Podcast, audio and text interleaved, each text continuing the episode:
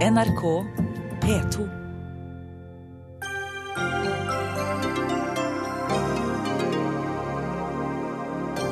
Hvis drapsmannen i Orlando var en ikke-religiøs skaphomo og Star Wars-fan, hadde masseskytingen noe med islam å gjøre da?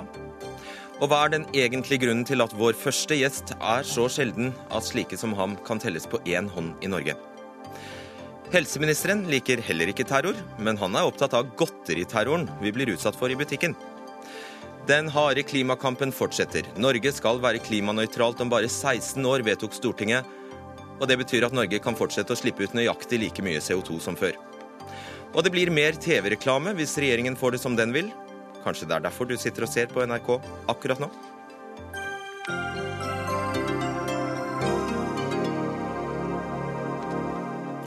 Da ønsker vi god kveld og velkommen til Dagsnytt 18. Mitt navn er Fredrik Solvang.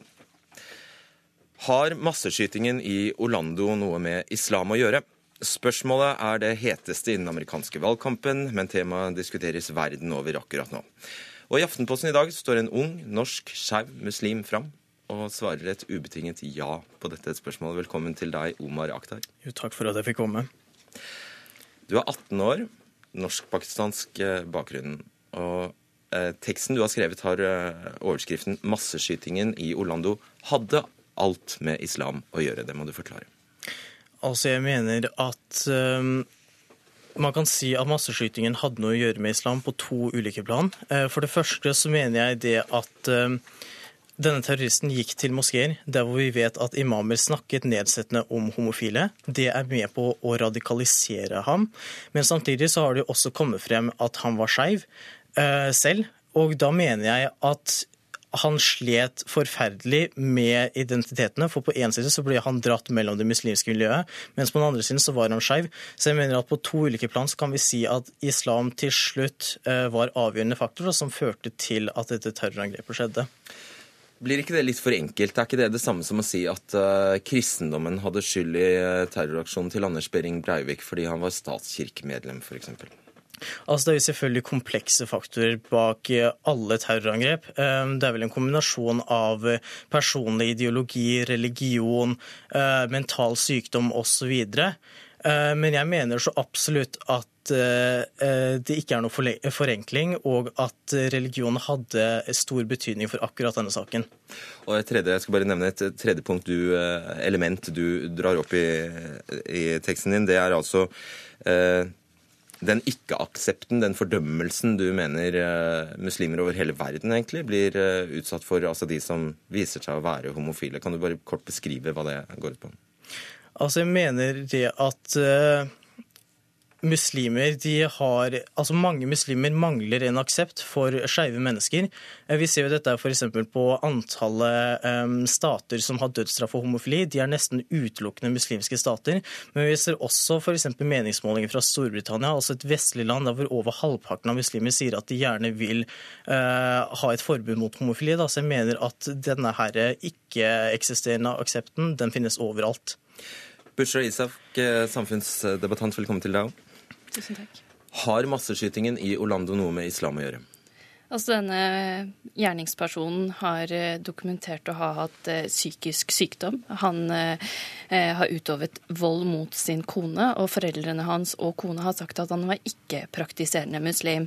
Eh, og jeg tror ikke vi hadde hatt den kortslutningen hvis eh, denne mannen het, hadde et kristen navn eller en kristen trosbakgrunn. Og i USA så er tilstanden, eller hold, samfunnet slik at når det gjelder homofile mål og liberale mål som abortklinikker, så er det kristne fundamentalister som er overrepresentert, og ikke muslimer. Og så må jeg få lov til å legge til én ting. Jeg, jeg syns Omar er veldig modig, og jeg takker han for det innlegget han skrev i Aftenposten.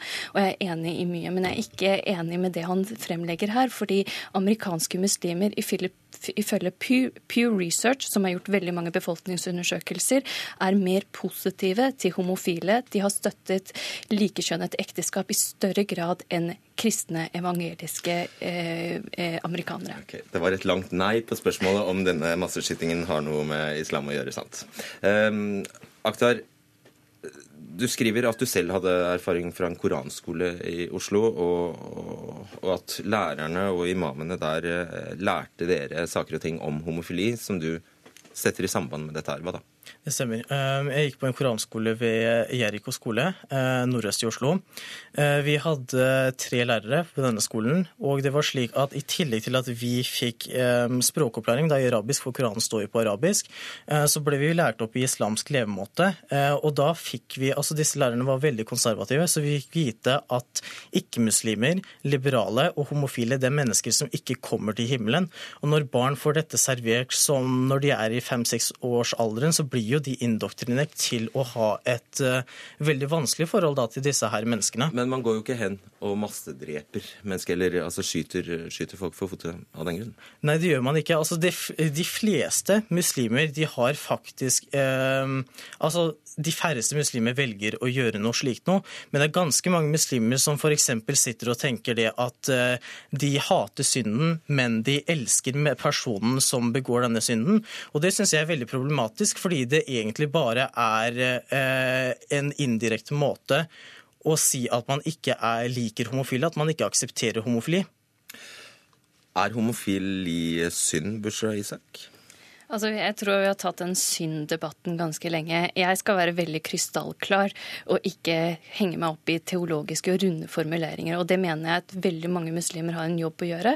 Å eh, ta om, um, personer som Omar på alvor. Og det er å si Så hvis du skal være krystallklar, kan du jo, svare på det enkle spørsmålet? Veldig, veldig krystallklar. Og det er at vi muslimer må stå sammen i solidaritet med homofile til at de kan ta det valget de mener er riktig. Enten det handler om å ikke leve ut sin kjærlighet, eller leve ut sin kjærlighet. Og jeg støtter Omar med det han ønsker i livet sitt, og jeg står i solidaritet med alle homofile og lesbiske til å definere sin frihet. Hva er det du hører nå om? Nei, altså, det er nettopp dette her jeg finner problematisk. Altså At man skal snakke om at jeg må ta et valg om å leve ut min kjærlighet. Jeg er født skeiv. Hvorfor skal ikke jeg ha samme rett til å elske mennesker? Hvorfor skal det være et valg for meg å elske et menneske?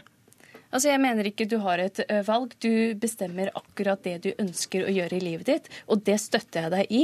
Om du har et valg eller ikke. Jeg gir deg ikke det valget, og jeg ønsker heller ikke at andre skal få det valget. Er du for eller mot den kjønnsnøytrale ekteskapsloven? Nisha? Jeg, jeg støtter ekteskapsloven fordi jeg mener at jeg og andre muslimer skal stå i kampen for å kjempe for de samme rettighetene som vi ønsker for oss selv og for homofile. Er du for eller mot at homofile skal kunne gifte seg i moskeer?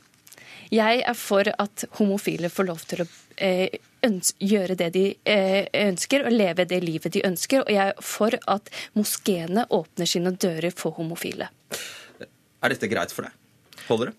Ja, altså jeg ja, altså jeg mener jo selvfølgelig dette her at homofile skal ha rett til å gifte seg i moskeene. Jeg mener at det er helt for at vi skal diskriminere mot mennesker som har en annen legning. Uh, Altså, Du ville jo ikke stilt det samme spørsmålet hvis jeg hadde vært heterofil, altså sagt at jeg får valget mellom leve ut min kjærlighet eller ikke. Altså, Jeg går tilbake til dette her som er veldig problematisk for meg. Det får jeg høre fra muslimer hele tiden. Altså At jeg har valget mellom å leve ut min kjærlighet hvis jeg da velger å gifte meg med en mann. Altså Jeg skjønner ikke hvorfor det skal være et valg. Hvorfor kan ikke jeg bare Ja, Altså, Alle har et valg i livet om vi lever ut eller ikke. Jeg har et valg om å, å, jobbe eller ikke. Eh, det valget har jeg, og at det er en del av den menneskelige integriteten. Det handler om en frihet, at vi skal ha retten til å velge Omar. Og jeg støtter deg i det du ønsker, men da må du også støtte meg i at jeg får lov til å være den jeg er, og den troen jeg ønsker å ha. Og jeg, jeg er veldig opptatt i denne debatten av at nå er det en veldig vanskelig tid for homofile og lesbiske. Det brutale terrorangrepet går inn på veldig mange som Omar. Og vi må være krystallklare på at vi skal ikke bare ta avstand for vold mot homofile. Vi må også skape et større hjerterom for homofile og lesbiske. Okay, vi skal fortsette denne debatten, men vi takker, takker deg, Bushra Isak, for at du eh, kom. Du blir sittende, Omar. For det finnes en, en gruppe for dem som er både skeive og homofile i Norge, og den heter Skeiv verden. I et leserinnlegg i Aftenposten i dag skriver lederen for Skeiv verden, Nora Mesen, at Eh, det er fundamentalt at vi ikke lar kampen mot homofobi og transfobi nøre opp under rasisme og islamofobi. Dette må du utdype, Mesen. Bare for å ha det, ha det, klart, siden vi var så opptatt av etnisitet her. Så du er ungarsk, irakisk, norsk. Ja. Først av alt vil jeg takke Omar eh, for kronikken hans. Eh, jeg er eh, veldig glad for at han skrev den, og vi trenger flere skeive muslimer i samfunnsdebatten. Og det er ingen tvil om at det i deler av det islamske miljøet er utfordringer, store utfordringer tidvis, når det kommer til Eh, negativitet mot skeive. Samtidig så eh, er hat, vold, eh, diskriminering av skeive ikke islam i mine øyne. Og det er veldig mange muslimer enig med meg i. Så du svarer nei på dette spørsmålet om terroraksjonen i Orlando hadde noe med islam å gjøre? Islam, som alle andre religioner, er opp for fortolkning. Eh, og eh, man kan ikke generalisere og si at dette er islam. For noen så kan det kanskje være det, men det er i mine og mange andre muslimske menneskers øyne eh, en, en, misbruk av religion. Og i kjølvannet av Orlando så blir det spesielt viktig å jobbe mot homofobi og transfobi, samtidig som vi arbeider mot rasisme eh, og islamofobi. Uten at vi klarer å tenke disse tingene samtidig, så kommer vi til å ende opp med mer eh, hat og ikke mindre hat. Vil du kommentere det? Ja, altså Jeg er eh, enig med deg om at de fleste muslimer de, vil ikke, de ville ikke gjennomført et slikt terrorangrep. Ehm, men samtidig så kan vi jo ikke se bort ifra at islam faktisk var en av de største faktorene for at eh, denne personen begikk de eh, grusomme handlingene han gjorde. Han var jo blitt indoktrinert til til liksom dette med å eh, ta avstand fra homofile. At han ikke så på de som ordentlige mennesker. Ehm, og som jeg tidligere nevnt også, var det jo slik at han viste seg å være skeiv også. Og det har jo veldig mye å gjøre med identiteten også, for han ble slitt mellom islam og homofili. Og det er jo bidra, eh, altså det er en faktor som bidrar til at dette faktisk skjedde. Så jeg vil så absolutt si at religion er viktig for denne hendelsen. Du skal få svare på det straks. Vi skal bare ta inn en til her. Det er Hilde Sandvik, grunnlegger og sjefredaktør i medieplattformen Broen XYZ. Og du var veldig raskt ute etter massakren og skrev på Facebook nå må muslimer i Norden vise hva samfunn de er gjort av. Altfor lenge har vi tolerert groteske holdninger til homofile. Stå opp og vis mot. Med andre ord, du ansvarliggjør alle Nordens muslimer. Det er jo hårreisende. Jeg sier ikke at alle Nordens muslimer har skyld, men det jeg mener er at nå må vi faktisk være nødt til å snakke om at dette har med religion å gjøre. Og jeg mener òg at det er ingen andre enn Nordens muslimer som har bedre forutsetninger nettopp til å kunne ta den diskusjonen som Omar så veldig veldig fortjenstfull har dratt i gang i dag i Aftenposten. Men du, du, du bør jo lytte til dem som, som har skoen på her. Og når, når Nora Mesen sier at eh, og du etterlyser jo selv de som skal ta, altså de som skal ta kampen innenfra. Når, når Skeiv Verden da sier at sånn som deg gjør jobben eh, vanskeligere, så må du jo lytte til dem. Jeg tenker da tvert imot at hvis ikke det er Skeiv Ungdom og Skeiv Verden som skal ta kampen opp for de homofile, muslimske, eh, det, altså homofile muslimer i Norge. Hvem er det da som skal ta den kampen? Og Jeg er litt eh, overraska over Mesen sin, både sin, eh, sin debattartikkel og det som blir sagt nå. Fordi det som det da fører til, er at en faktisk ikke har noen reelle støttespillere som kan gå inn til kjernen. Fordi, som Omar rett påpeker, dette har et religiøst utgangspunkt. Mestens svar på det. Det som virkelig forunderlig er at du så kategorisk faktisk kan avvise at det er en sammenheng. Eh, jeg, først må jeg svare på det som blir sagt her. fordi Det å påstå at eh, Skeiv Verden ikke tar denne kampen, det er eh, helt feil. Er det noe som tar denne kampen, så er det flere av de medlemmene våre som opplever diskriminering, vold, trakassering Eh, og for eh, mange av de så er Skeiv Verden en kjempeviktig aktør i det å støtte dem.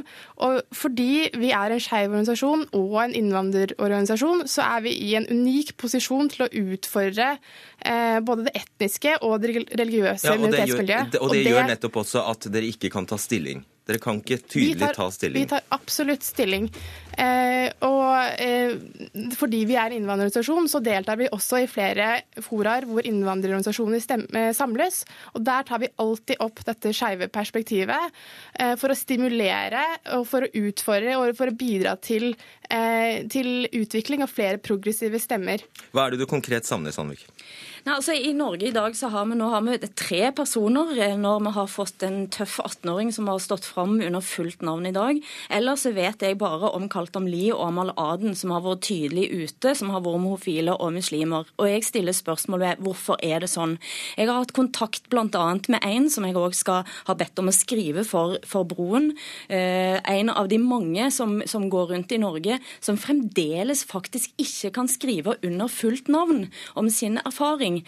Eh, og noe av det som ligger under her, er, som, som en kan høre i Bushra Isak, eh, det som hun sier, det som Mohammed Osman Rana har bl.a. skrevet i bok om norsk islam, så ligger der en forestilling om at du kan faktisk da velge. Eh, hvis du som ung og muslim søker i dag på internett om å være homofil og være muslim, hva, hva møter deg da? Jo, det møter deg oppskrifter i hvordan du skal avvenne deg med å være homofil. Eh, det møter deg en ganske tydelige antydninger av hvor du skal f.eks. gå inn og gifte deg, og ikke minst syv måter å drepe en homofil på. Det er det som møter deg.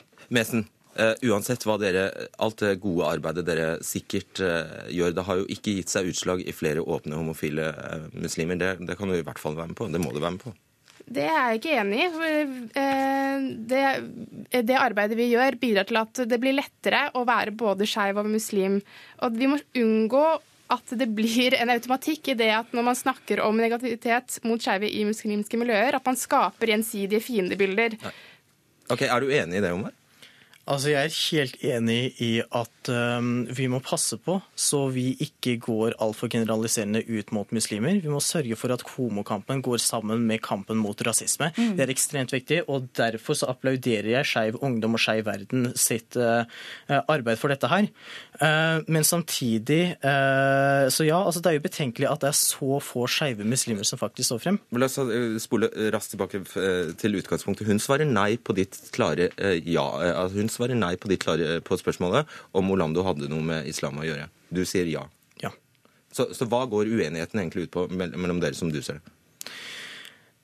Slik jeg ser det, um, så har uh, du, Nora, du, har, du tenker vel at det er radikal islam som er selve problemet? Altså at mennesker feiltolker eh, islam. Og jeg er enig i at eh, denne tolkningen den er helt annerledes enn den f.eks. jeg har. Men samtidig så går jo dette her tilbake til at dette handler om religion. Hvis denne personen ikke hadde eh, hatt en spesiell tilknytning til islam, så er det kanskje ikke eh, sikkert at han faktisk hadde gjort dette her. Altså dette her, eh, altså Jeg kan ikke si noe absolutt, eh, men ja. Svar veldig kort på det, Messen.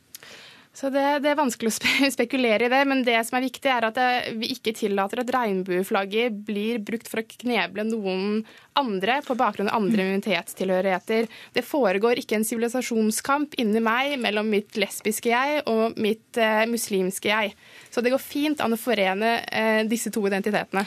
Skal, ja, du skal få slippe til igjen, Sandvik. Jeg skal bare ta inn Pål Grøndal. Du er psykologspesialist, styremedlem i Helseutvalget som da driver med helserelatert arbeid for, eh, for, alle som har sex med noen av samme kjønn. Hva vet vi egentlig om konsekvensen for helsa til mennesker som ikke får levd ut seksualiteten sin? Det vi vet det er gjort en ganske mange undersøkelser om levekår for homofile og lesbiske. Og, og det vi har sett de senere, år, senere, årene, det er jo at det står stadig bedre til med den psykiske helsen til disse gruppene. Samtidig så ser vi at det å leve som en minoritet, så er det en seksuell minoritet, tror jeg. fordi at Hvis man er ungdom, så er man da den eneste i den familien. ikke sant? En familie deler gjerne religion og tro og sånt noe. Men du er den eneste homofile. Og, og det vi ser, er at uh, det er ikke så veldig lett som vi skulle tro. Det er ikke bare bare for to menn å gå hånd i hånd på Grønland. Det er ikke lett å stå frem som homofil. Og vi, vi heter, det heter jo stadig at man står fram. Hvorfor i all verden skal vi stå fram? Det viser at det er ikke noen digital greie at enten så står man fram, eller så står man ikke fram. Det er visse scener folk sier litt sånn lettet at jo, jeg er homo. Og det er visse scener man ikke gjør det. Og så ser vi at forekomsten av depresjon er noe høyere hos homofile og lesbiske. Nedstemthet, nedtrykthet, bruk av antidepressiva og selvmordstanker og faktisk eh, utførte selvmord. Dette vet vi. Og det har nok noe med denne eh, litt lumre måten vi stadig skal drive og adressere at det er OK at du er homo, bare du ikke lever det ut. Og da leder det meg til spørsmålet som er gjengangeren her. Kan masseskytingen i Orlando ha noe med islam å gjøre? Ja, altså, Jeg tror jeg skal bruke Gro Harlem Brundtlands 'alt henger sammen med alt' her. Altså, Det vi har hørt om denne mannen, er jo nå Det savnes jo bare, bare at han har gått i, i miniskjørt eller noe sånt. Altså, Vi har hørt så veldig mye om han, så jeg kan ikke si det. Men jeg, jeg, jeg, syns ikke jeg kan utelukke det heller. Vi vet jo at de aller fleste mennesker som får tvetydige signaler om sin seksuelle legning, de vender aggresjonen innover. De får lavere selvfølelse, depresjon osv.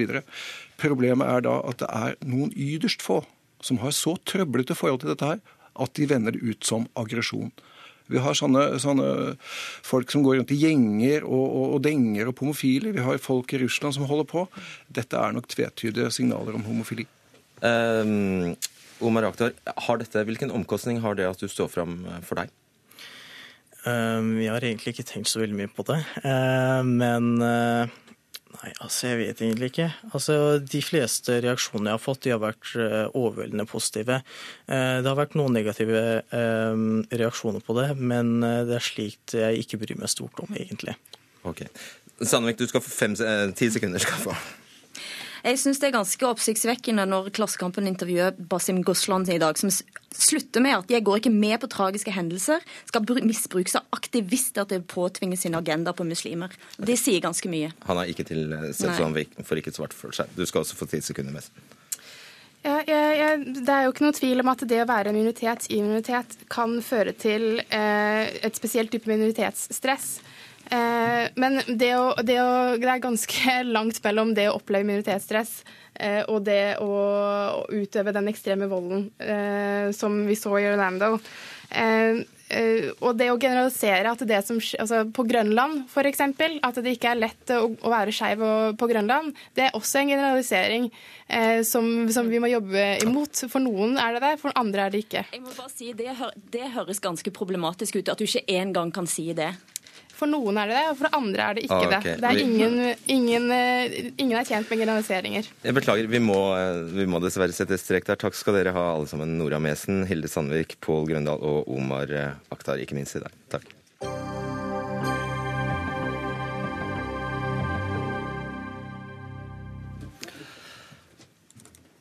Brått temaskifte nå. Blir du ofte fristet til å slenge en eh, sjokolade eller to i handlekurven på vei til kassa i dagligvarebutikken? Eller er du lei av at barna dine maser og griner om å få kjøpe godteri de er omgitt av mens de står i eh, betalingskø? Ja, dette er godteriterror som vi må bli kvitt, sier eh, helse- og omsorgsminister Bent Høie, som nå vil fjerne søtsakene fra kassaområdet. For det er sånn at vi spiser 28 kilo hver i året av sukker. Og det er altfor mye, sier du, Bent Høie. Da vil du altså fjerne godteriet fra kassaområdet. Hvordan skal du greie det? Vi har nå etablert et veldig bra samarbeid med de som både produserer og selger mat i Norge, som er en næringslivsgruppe. Der er vi allerede blitt enige om å redusere saltinnholdet i mat, som òg er et viktig spørsmål. spørsmål. Det neste som jeg håper vi kan bli enige om, det er hvordan vi skal redusere eh, sukkerforbruket og mette, fett. Og På sukker så er det helt åpenbart, tror jeg, for alle som har vært i en butikk, at eh, er godteriet plassert i eh, nærheten av kassen der du står i kø, så er det lett å både foreta mm. impulskjøp, og det er vanskelig òg med barn når det ligger i, i, deres høyde. Og det blir en, ofte en diskusjon og en krangel. og Det gjør jo at eh, hele kjøpsopplevelsen blir ganske negativ, og det tror jeg òg de som driver butikk er opptatt av, at kundene skal ha en hyggelig opplevelse når de går. Så dette skal vi samarbeide om. Det er ikke snakk om å lage noe lovverk eller forskrifter eller ha noe godteripoliti. Eh, men eh, videreføre det gode samarbeidet som vi har. Men det er Bent Høies eh, hverdagsforskning som ligger til grunn her. Du har ikke, du har ikke noe forskning? Vi har ikke noe forskning Nei. på akkurat plasseringen, men vi, vi, vet jo veldig godt at plassering betyr mye i butikk. Og dessuten så har vi veldig god forskning på betydningen av å redusere sukker i kostholdet. fordi dette handler jo om at jeg er opptatt av Ja, det skjønner jeg, men du har ingen forskning som sier noe om sammenhengen mellom plasseringen eh, akkurat ved kasseområdet og eh, inntak av sukker? Nei, men det er helt åpenbart for alle at det er en sammenheng. Hverdagsforskning. Takk. Håkon Meyer, professor og overlege ved Folkehelseinstituttet. Har vi, eh, Hva sier forskningen egentlig, det lille vi har?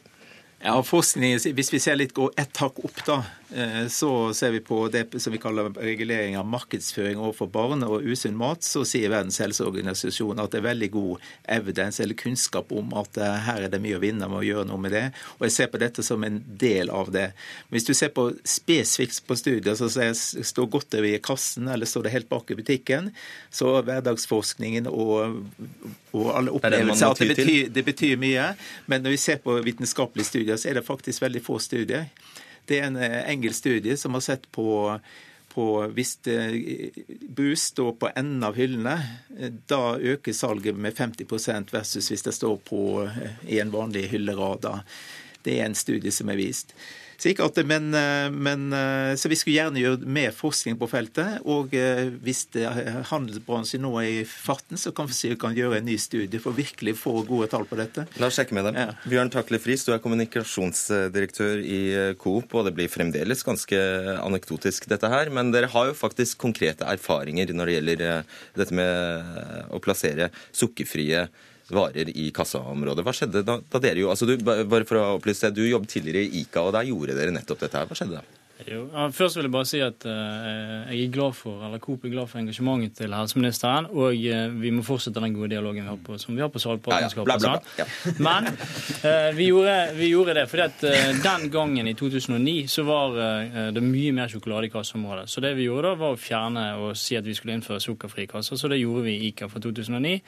Eh, sjokoladeomsetningen i ICA-butikken gikk ned med 18% Den gikk ned med 18 Den gikk ned med 18 Så det funker? Det funket. Men poenget nå er at det er helt annerledes. I dag så har vi ikke sjokolade i kassene lenger. Nå er det mye mer frukt og grønt og andre ting. Så vi har flyttet godteriet lenger bak i butikken. Og når man kommer inn i en butikk i dag, så er det frukt og grønt som, som møter en. da. Men jeg tror det vi må gjøre, er å, å jobbe videre med den dialogen vi har, og så fjerne sukker fra produktene. Sant? Og, men, og det holder vi også på med med egne merkevarer. Så fjerner vi veldig mye salt og sukker fra produktene. Det er jo ingen tvil om hva helseministeren vil med dette. Vil dere være med på et sånt initiativ der dere faktisk pålegger dere selv å flytte godteriet lenger bak i butikken? Vil dere være med på det? Ja, dersom vi skal lykkes, så må hele bransjen stå sammen om å gjøre det. For Vi kan ikke gjøre sånn som ICA gjorde den gangen og si at nå skal vi gjøre sånn eller nå skal vi gjøre sånn. Jeg, så, bransjen vår trenger jo å heve omdømmet sitt litt. Så hvis vi går sammen og blir enige om å gjøre noe, også sammen med helseministeren, så tror jeg at vi kan få til At dere blir enige om å tape penger? Det er det det går på. Hvis alle gjør det samme, så vil jo omsetningen fortsatt ligge der. ja, ikke sant. Det er sånn det fungerer. Odd Gisholt, eh, du er eh, Nå har jeg faktisk eh, ikke tittelen din her. Du jobber i hvert fall fagsjef for varehandel ved Handelshøyskolen BI. Stemmer det? Beklager det. Um, du mener altså at Bent Høie tar grunnleggende feil når han snakker om godteriterror, en godteriterror i kassaområdet. På hvilken måte? Ja, det må jeg virkelig si. Jeg var veldig overrasket i går når jeg leste om dette nye tiltaket eller forslaget han kom med. Jeg syns det har en, et snev av overformynderi i seg. Nå hører jeg jo da at han snakker med bransjen, for å si det sånn, med handel og industri. Og det syns jeg han skal legge vekt på. Selvkontroll er viktig her. Og det er ikke lenger sånn at det er mye sjokolade i kassene. Der er det frukt og grønt og kondomer og en del andre sunne ting. Så jeg tror han kan konsentrere seg om langt viktigere ting. Han har jo veldig mye å gjøre, helseministeren. En masse prosjekter på gang. Så dette skal han holde seg for god til. Dette ordner faktisk industri og handel opp på egen hånd. Si meg, Hvor mye penger er det egentlig? Det spørsmålet kan gå til begge, men eh, vi prøver oss på deg, Gisholt. Hvor mye penger er det å tjene på godteri? Det er ganske mye penger å tjene på godteri. Det er jo sånn at I dagligvarehandelen så er det noe man tjener mye på, og noe man tjener mindre på. Og egentlig så tjener man ganske godt på uh, sjokolade. Nå er Det jo sånn at det er ikke forbudt å spise sjokolade i Norge, så det er jo også ganske interessant. Det er noen som til og med mener at det er sunt. Og Hvis vi ser de to store produsentene, da, Freia og Nidar, så øker jo de salget og de tjener gode penger, og handelen er glad for å ha denne kategorien, som vi kaller det, i sitt sortiment. Bent Høie, dette, du får masse publisitet når du tar slike initiativ. Du framstår som at du er ute i vårt alles eh, Altså at du vil oss alle, alle, alle godt. Men du gjør jo ikke det som faktisk hadde monnet, nemlig f.eks. å legge avgifter, høyere avgifter på sukker.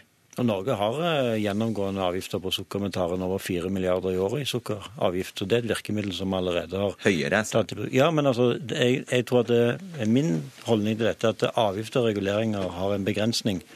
Eh, jeg mener at eh, de er mer effektive, de tiltakene som vi nå gjennomfører. For eksempel, da aner du jo ingenting om. Hvor jo, har du det fra? Det er jeg helt sikker på. For eksempel så skulle jeg gjerne utfordre, nei, ja, jeg skulle gjerne utfordre hvem som helst til å fortalt meg at det var mulig å innføre en avgift på salt og dermed redusert saltforbruk i befolkningen.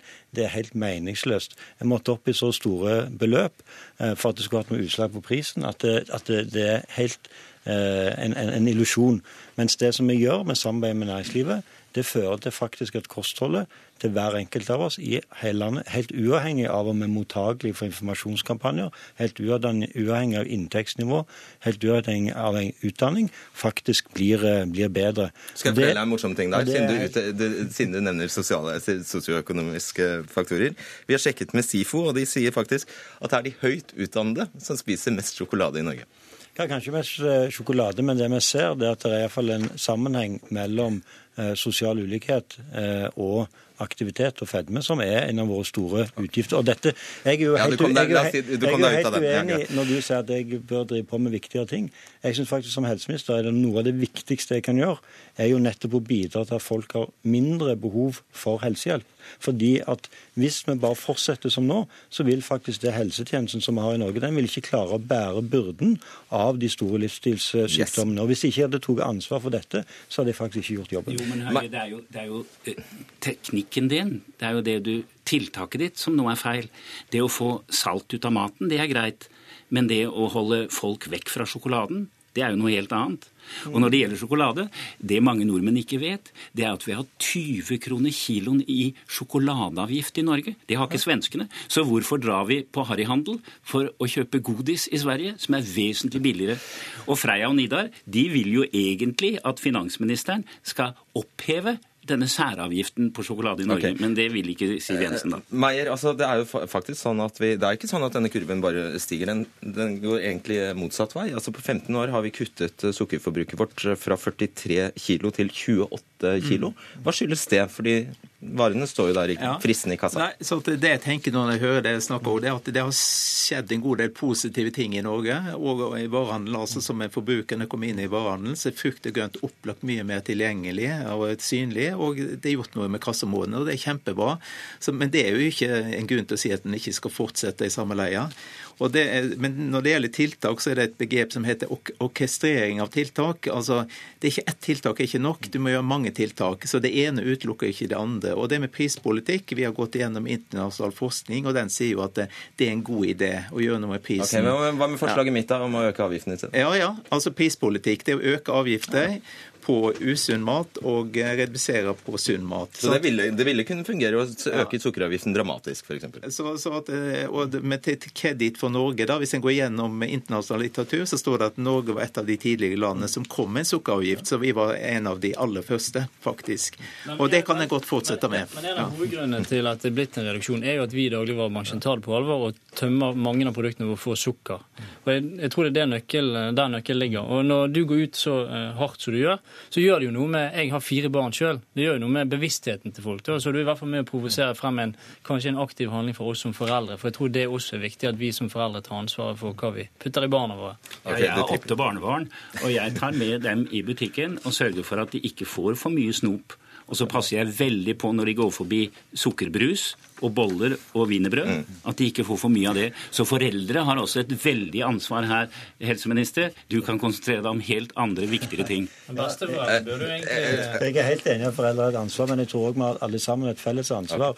Og det som er bra her, det er at eh, når vi har et så nært samarbeid som vi har med næringen, så gjør det er enklere for næringen å ta det samfunnsansvaret som jeg oppfatter at næringen i Norge er opptatt av. For da er det noe som vi gjør i fellesskap. Det er ikke sånn at én virksomhet taper penger på å gjøre dette.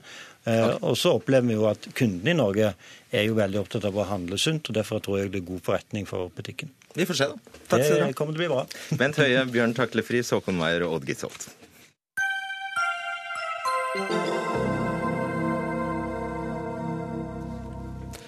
Enslige mindreårige asylsøkere bør sendes rett tilbake til hjemlandet og verken få midlertidig eller varig oppholdstillatelse her.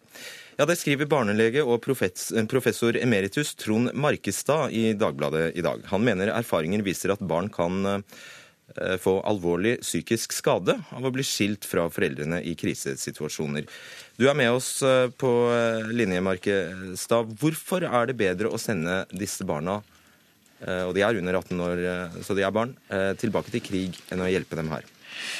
Ja, for det første vil jeg si det at dette er en vanskelig og sammensatt diskusjon. Og Nettopp derfor så etterlyser jeg en mer kunnskapsbasert diskusjon om hvordan vi skal forholde oss til enslige mindreårige asylsøkere. Det virker som om ingen våger å ta i dette med ildtang. Hvorfor vet vi så lite om hvorfor barna kommer? Hvorfor blir de sendt? Hvilke konsekvenser får det for disse barna og for familien i hjemlandet. Jeg tenker spesielt på søsken, og spesielt søstrene. Det er over 90% av de som kommer, de er jo gutter. Og de aller, aller fleste kommer fra Afghanistan. Jeg har lest mye eh, om det, og dokumentasjonen er svak, men den som på en måte eh, Det som er det store mønsteret, sånn jeg ser det, det er at familien klarer å skrape, skrape sammen penger. De allierer seg med menneskesmuglere.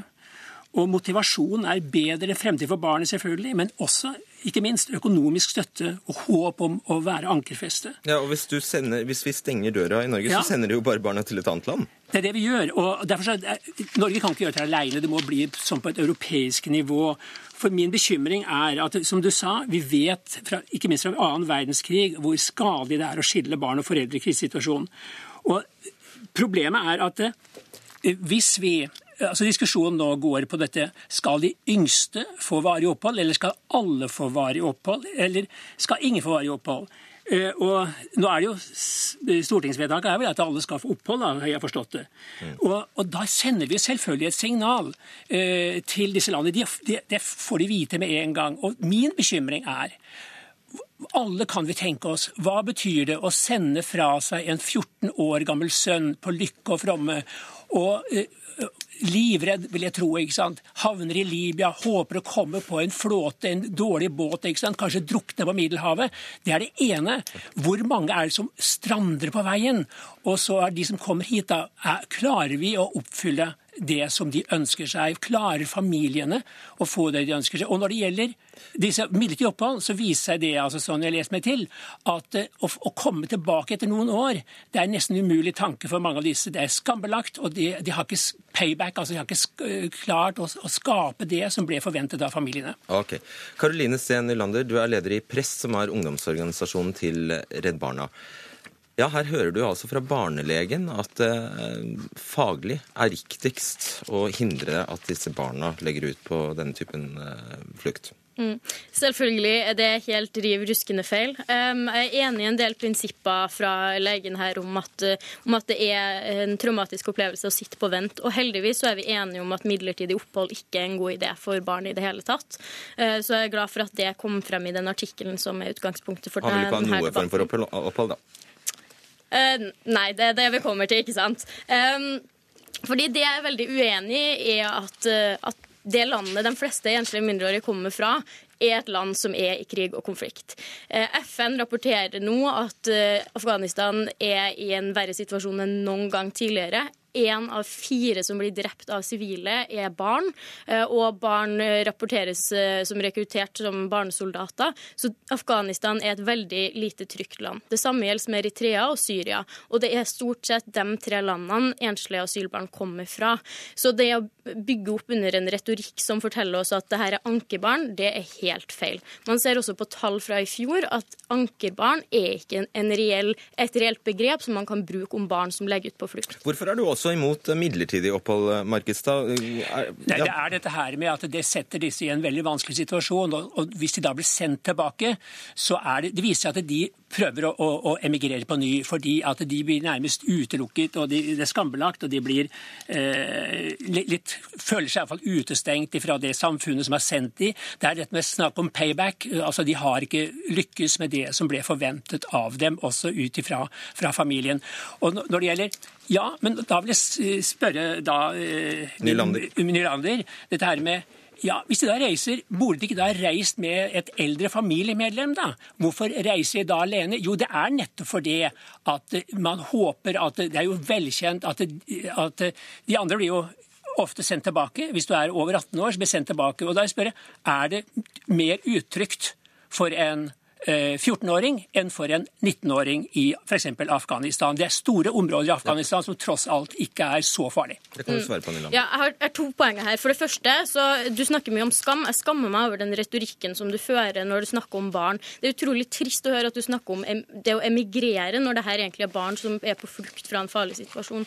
Det andre poenget mitt det er at det finnes forskning, og det er synd å høre at du sier at du har lest mye på det her, og at du likevel ikke har fått med deg essensiell og viktig forskning som f.eks. sier noen ting om at det er veldig mange afghanske unge barn eh, som, som, opplever vold i hjemmet, som opplever grov vold på skolen. Og da er det kanskje ikke så veldig lett å legge ut på flukt sammen med familiemedlemmer, om det er familiemedlemmene du også ønsker å flykte men, fra. Jo, men da har vi en annen diskusjon. Da har vi en diskusjon om familievold og den type ting. Da, snakker, da snakker vi ikke lenger om flyktninger. Nei, ikke sant. Og da er kombinasjonen av de her to en kombinasjon som er et ganske godt grunnlag for å legge ut på flukt alene. Nylander, du vektlegger at det er snakk om eh, barn, men, men alderstestene viser jo at én av tre av dem ikke er under 18. De er mm. over 18. Ja, og alderstestene er jo også veldig kritisert for at de ikke er nøyaktige. At de har et slingringsmonn på opptil fem år. Eh, så det kan, eh, kan, bety at barnet enten kan være 15 eller kan være 20. Eh, så, så, da må man kanskje få på plass gode alderstester før man begynner å konkludere med at det her ikke er barn.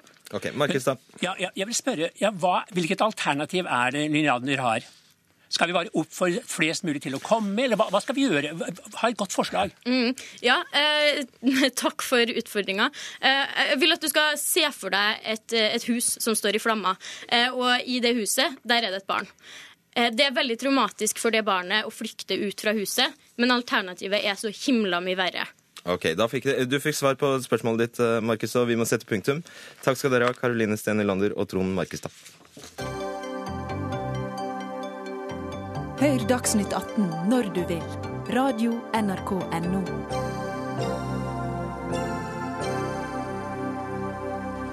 Regjeringen er sterkt kritisk til Stortingets vedtak om at Norge skal være klimanøytralt om bare 16 år. Trist og dyrt, mener Fremskrittspartiet og Høyre det blir. Mandag sendte klima- og miljøminister Vidar Helgesen et advarende brev til Stortinget i forkant av debatten og vedtaket i går kveld. Opprinnelig skulle Norge nå målet om å nulle ut klimautslippene her i landet i 2050. Men nå vil altså stortingsflertallet at dette skjer innen 2030.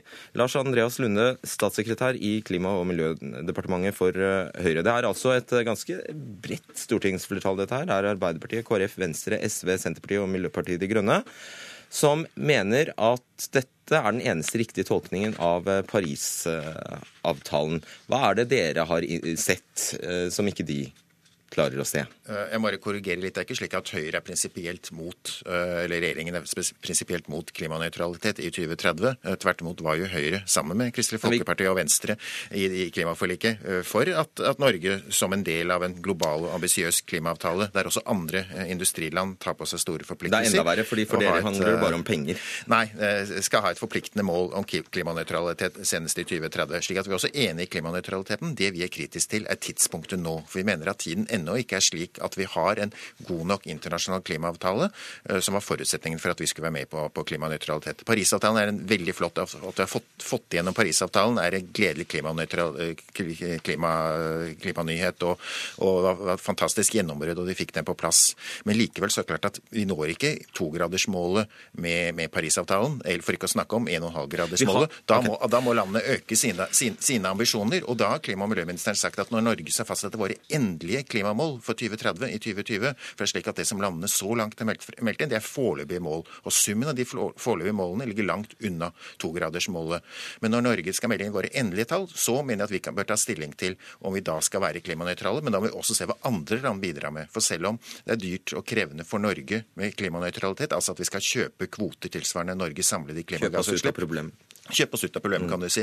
Kjøpe kvoter tilsvarende Norges samlede klimagassutslipp i 2030.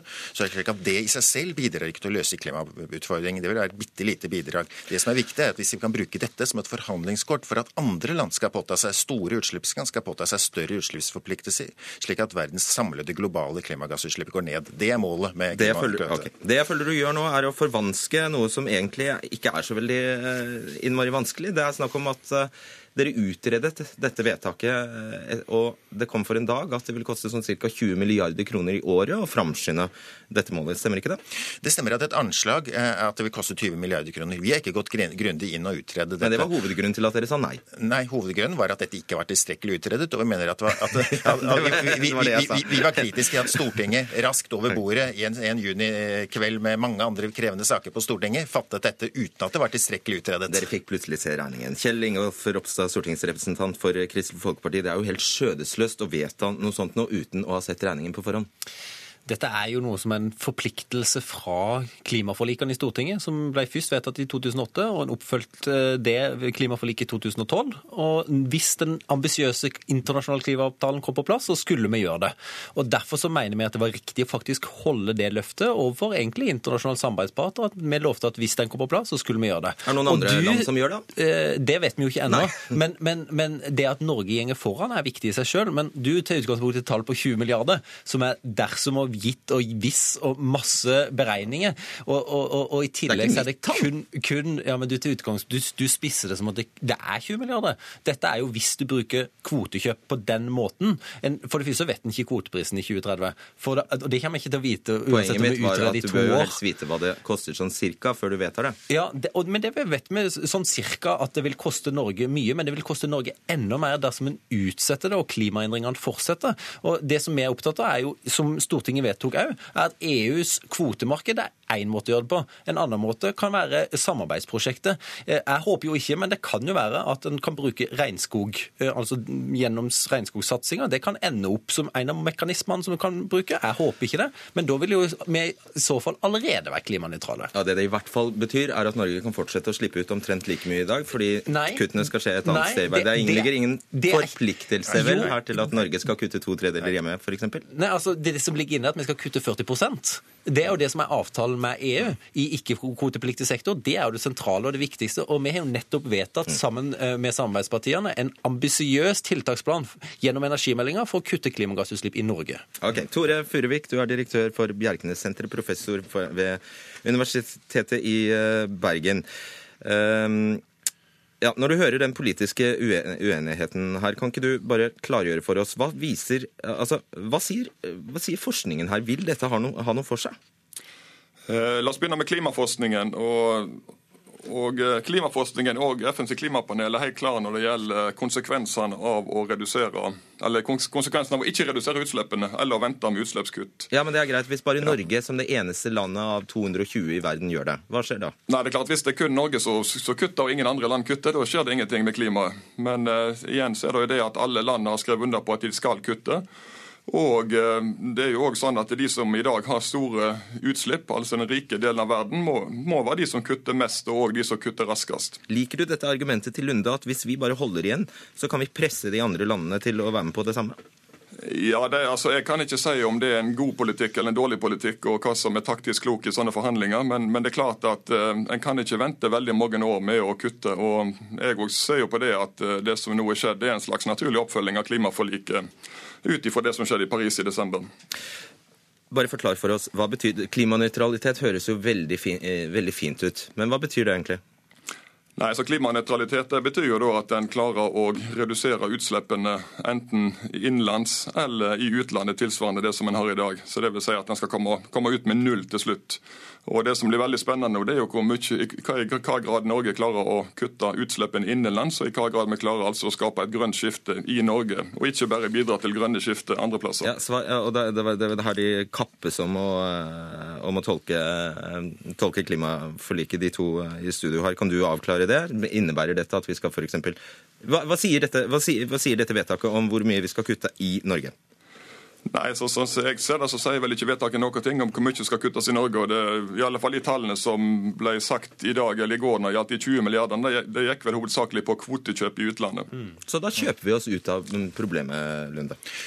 Altså, dette vedtaket sier ingenting om hvor mye vi skal kutte i Norge. og Argumentet mot dette er, ikke, er, er, jo ikke at vi skal utsette kutt i Norge. Tvert imot, vi fører en veldig aktiv klimapolitikk. Vi kutter utslippene i Norge.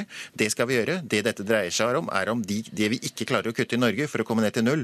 Om vi nå, at vi per i dag skal love å, å kjøpe kvoter internasjonalt for at vi skal komme ned til null for det vi ikke klarer å kutte i Norge. Men vi, vi, vi må selvfølgelig kutte i Norge. og det er, det er jo Begrunnelsen for at regjeringen ikke støtter dette vedtaket, er ikke at vi ønsker å utsette kuttene i Norge.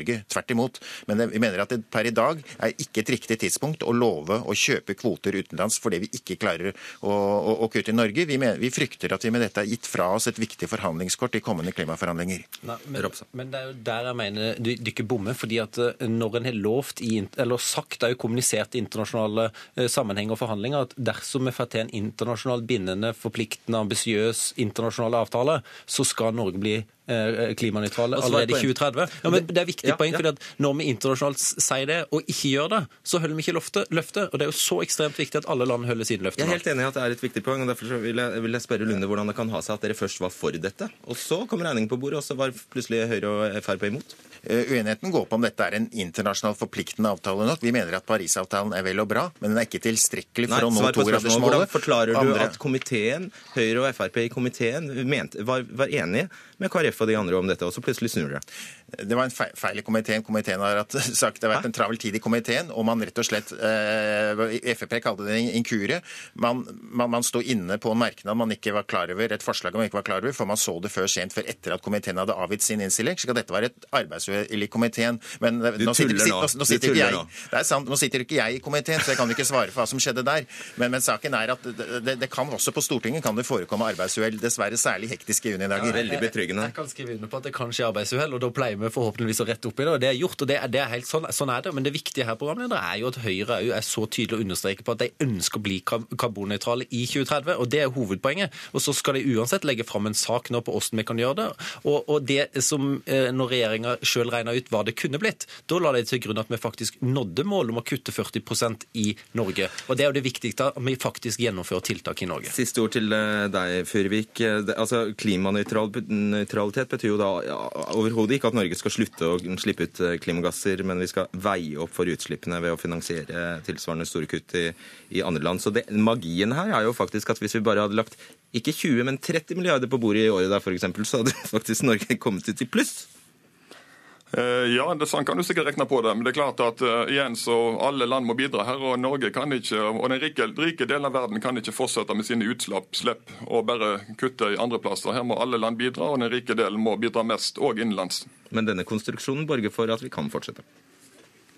Dette er jo spørsmålet om hva du skal gjøre med de 60 som ikke ikke kutta.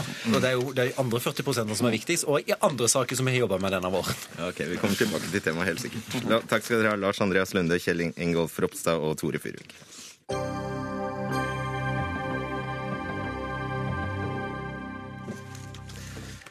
Da skal vi snakke om noe du ikke opplever her på NRK. Regjeringen legger opp til mer reklame på norske TV-kanaler, melder Dagsavisen.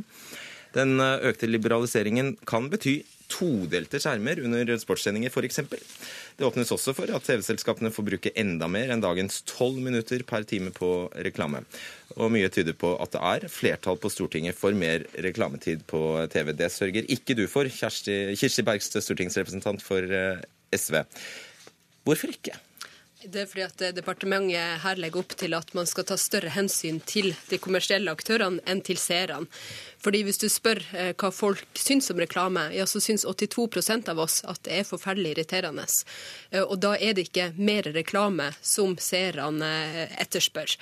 Og jeg er spesielt skeptisk til de grepene som de nå skal ta i forhold til at man skal integrere reklame mer i programmene. Fordi at det betyr at skillet mellom programmet og det som er reklame, viskes vekk. Og det er fryktelig kritisk til. Fordi det betyr at eksponeringa blir mye sterkere, og at du kan ikke unngå den. men ikke mer enn tolv minutter eh, i timen, som det er i dag. Men i dag så kan du jo stikke på do eller hente et glass vann eller gjøre noe annet. Eh, det kan du ikke hvis skjermen er todelt. Der du har en reklame og en fotballkamp, så, så har du ikke noen mulighet for å unngå det. Ib Thomsen, mediepolitisk statsperson i Frp. Hvorfor ønsker dere dette?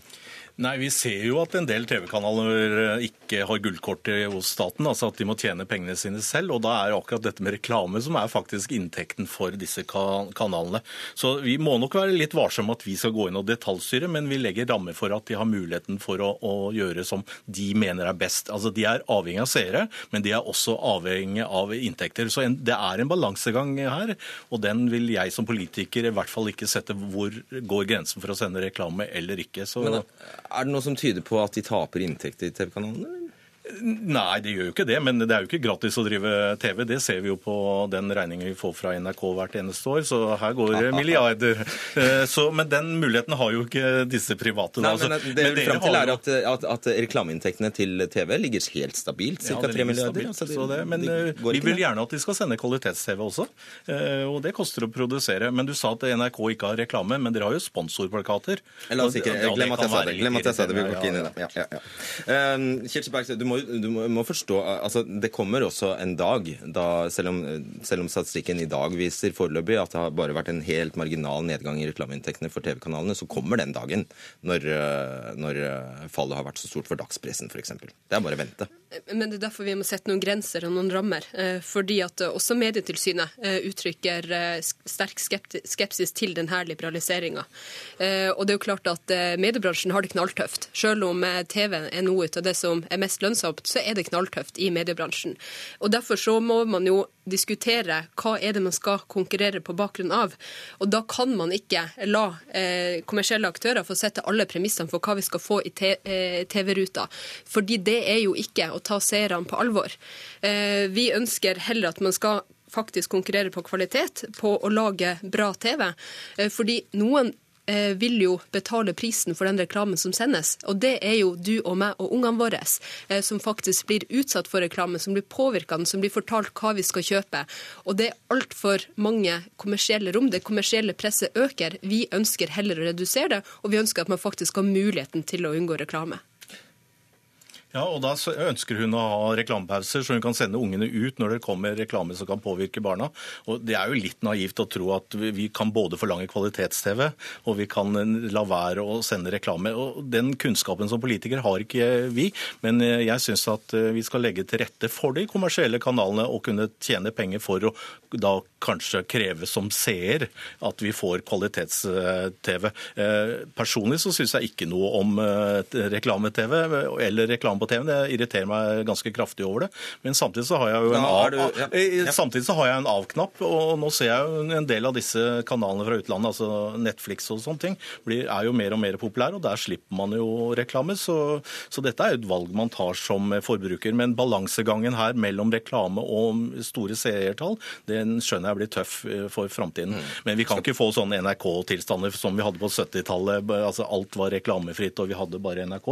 Vi ønsker jo de kommersielle velkommen. Men det er jo ikke debatten her. Det er jo ingen her som snakker for eller mot reklame-TV.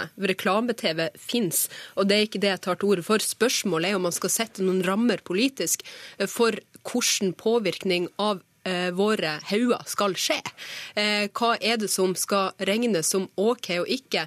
Eh, hvor lenge skal det være? Hvor massivt skal det være? Hvor skal grensa for redaksjonelt innhold og eh, kommersiell påvirkning være? Det er jo det vi diskuterer her. Eh, og det jeg mener at vi trenger, det er jo en aktiv mediepolitikk for nettopp å sette noen grenser og noen rammer.